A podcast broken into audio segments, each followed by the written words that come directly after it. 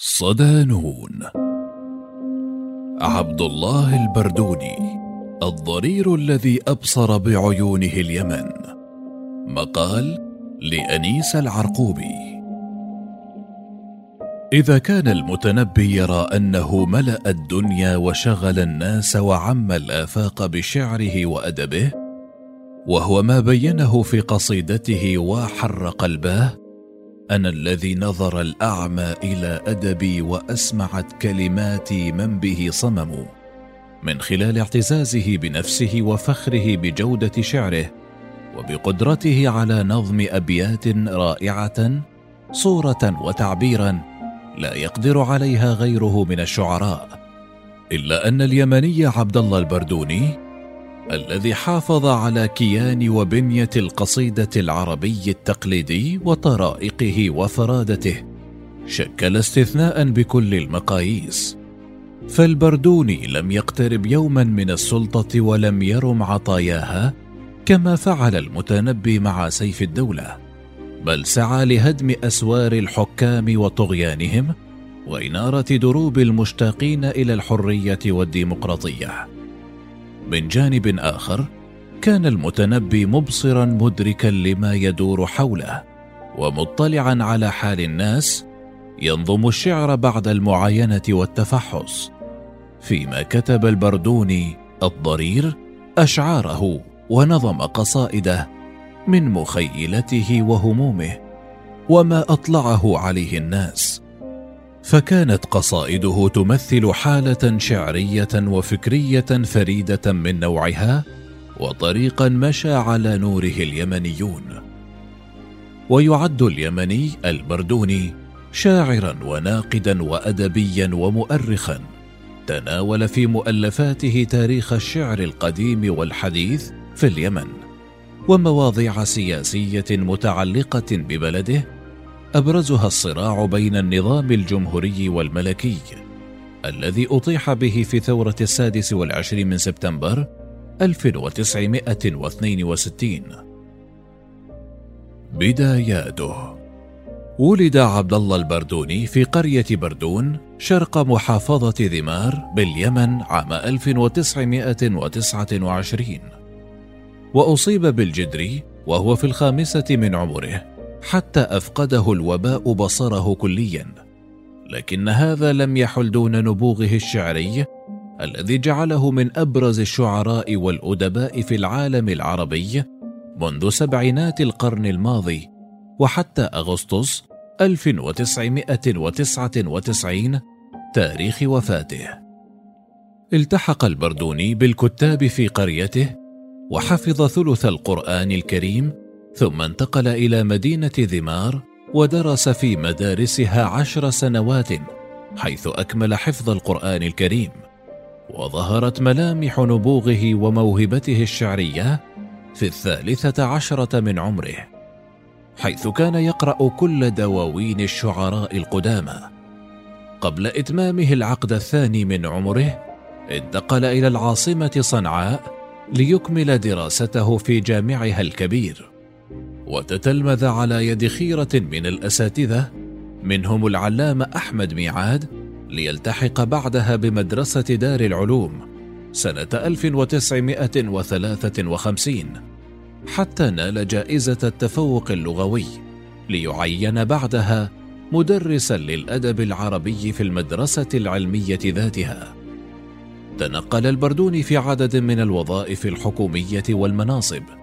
فترأس لجنة النصوص في إذاعة صنعاء وأدار البرامج في نفس الإذاعة عام 1980 كما أعد برنامجا أسبوعيا بعنوان مجلة الفكر والأدب الذي يعتبر من أفضل البرامج الإذاعية الثقافية في إذاعة صنعاء واستمر في إعداده منذ 1964 حتى وفاته.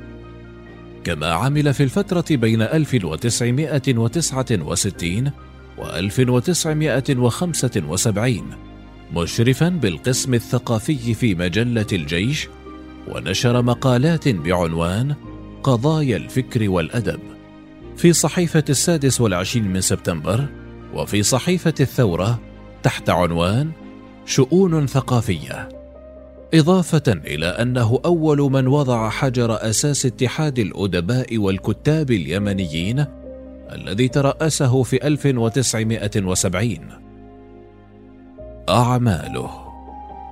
أصدر الشاعر اليمني عبد الله البردوني طوال مسيرته الأدبية ثمانية دراسات نقدية واثنى عشر ديوانا وهي من أرض بلقيس وفي طريق الفجر.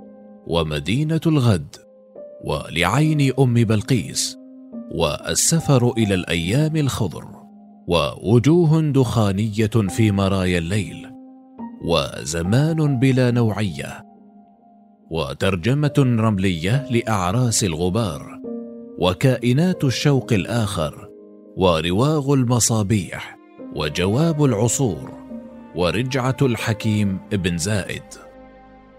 أما الدراسات النقدية فهي رحلة في الشعر اليمني قديمه وحديثه وقضايا يمنية وفنون الأدب الشعبي في اليمن والثقافة الشعبية تجارب وأقاويل يمنية تجارب وأقاويل يمنية. ومن أول قصيدة إلى آخر طلقة دراسة في الشعر الزبيري وحياته واشتات واليمن الجمهوري لم يقتصر إنتاج البردون على الشعر وحده فقد كان ناقدا ومؤرخا وكاتبا سياسيا خلد اسمه في الذاكرة اليمنية بنقده اللاذع وسخريته المبكيه من حال الطبقة السياسية في ذلك الوقت.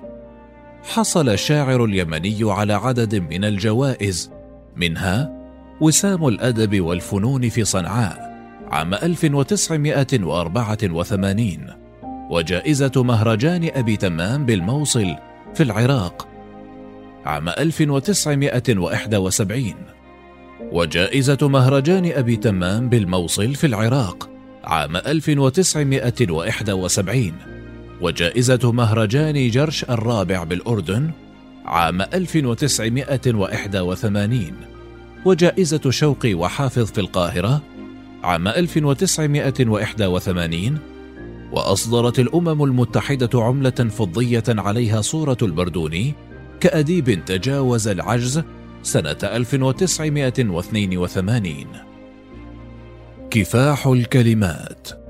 يقول الشاعر اليمني محمد القعود البردون عانى من الجوع وكان مثالا حيا لما كانت عليه فترات بائسة من تاريخ اليمن في تلك الفترة. وتلك المعاناة انتجت شاعرا ثوريا وجريئا مشغولا بأمر أهل بلده مهووسا بمقاومة التسلط والدكتاتورية والقهر وبدعم المظلومين والغلابة. لا يخاف الجهر برأيه وبانتقاده للسلطة والفساد القائم وهو يعرف حقيقة ما قد يناله من متاعب كالتجويع والسجن. سجن في عهد الإمام أحمد حميد الدين. صور البردوني في أشعاره كقصيدته رحلة التيه معاناة اليمنيين وما تعرضوا له من ظلم وتفقير وتجهيل وكتب عن أحلام البسطاء وأحزانهم بأسلوب إبداعي فريد. وأطنب الشاعر في وصف ما عاشه الوطن فكانت كلماته مرآة لآلام الشعب وهمومه داعيا من خلالها إلى استيراد حقوق الناس ورفع المظالم عنهم وإلى ثورة تشعبية تعيد هيبة ومجد المنسيين والمسحوقين. فكانت قصيدته الرائعة حين يصحو الشعب التي قال فيها يا زفير الشعب حرق دولة تحتسي من جرحك القاني مداما. دعوة صريحة لنفض غبار القهر والوقوف في وجه السلطة.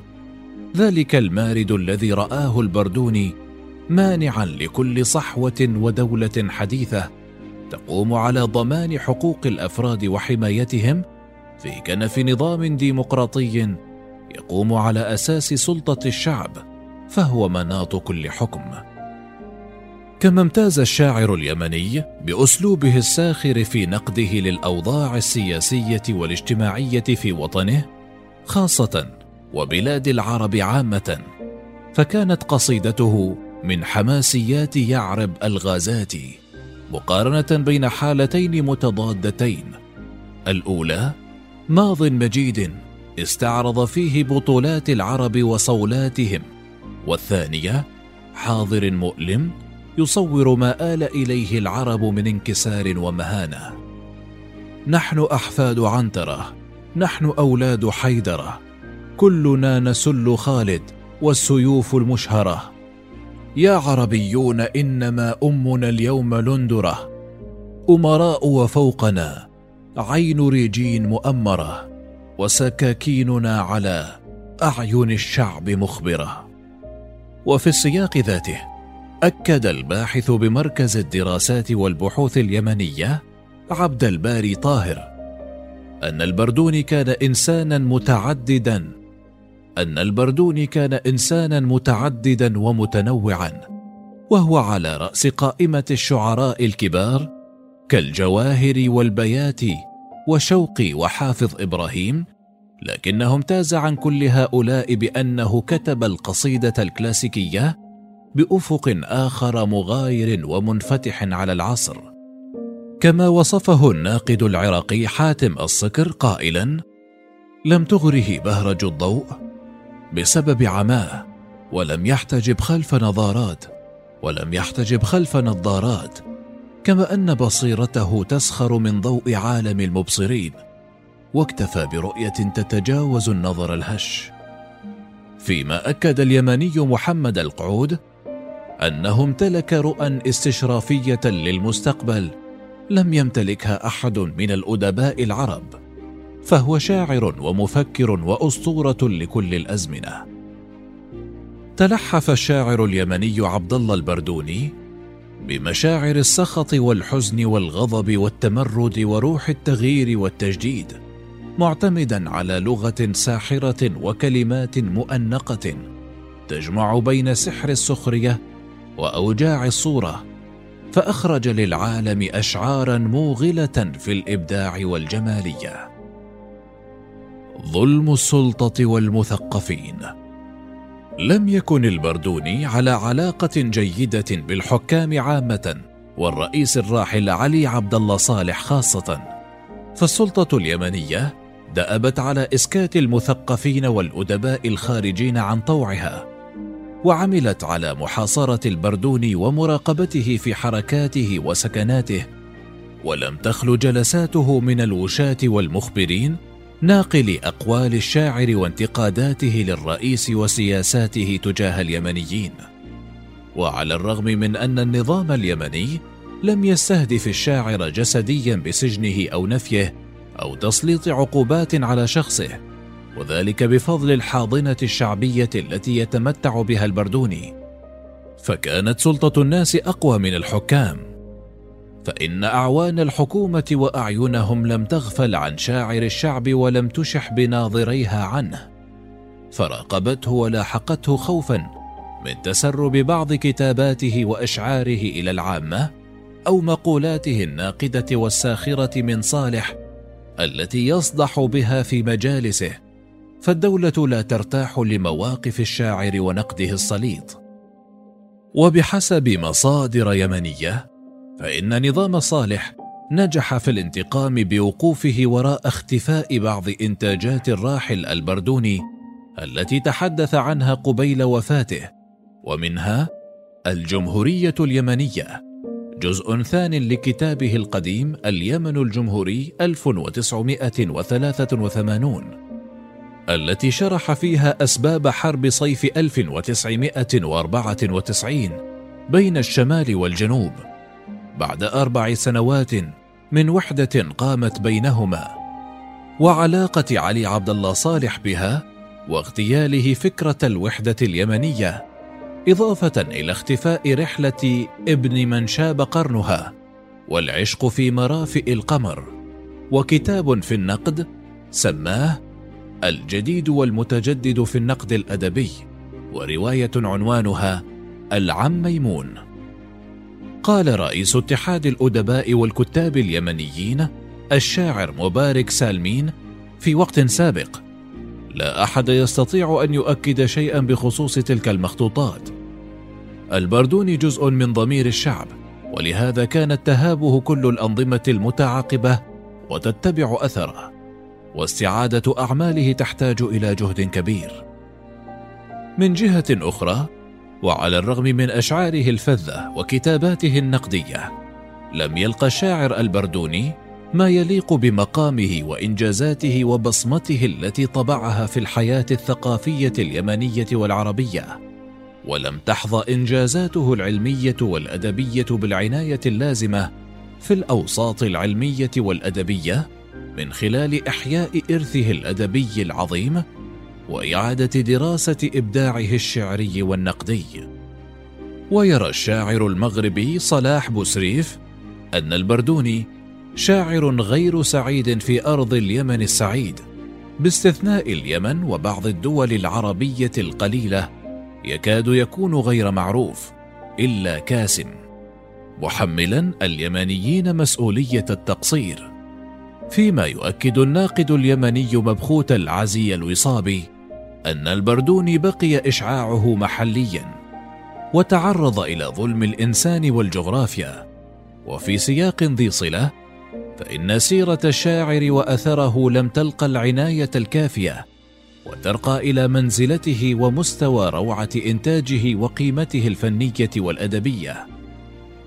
ويوصي بعض المختصين بضرورة طباعة أعماله غير المنشورة وتفريغ حلقات البرنامج الإذاعي واحة الفكر والأدب في كتاب وإعادة نشر كتبه ومؤلفاته إضافة إلى السعي للوصول إلى مخطوطاته ودواوينه الشعرية التي لم ترى النور بسبب خلاف بين ورثته.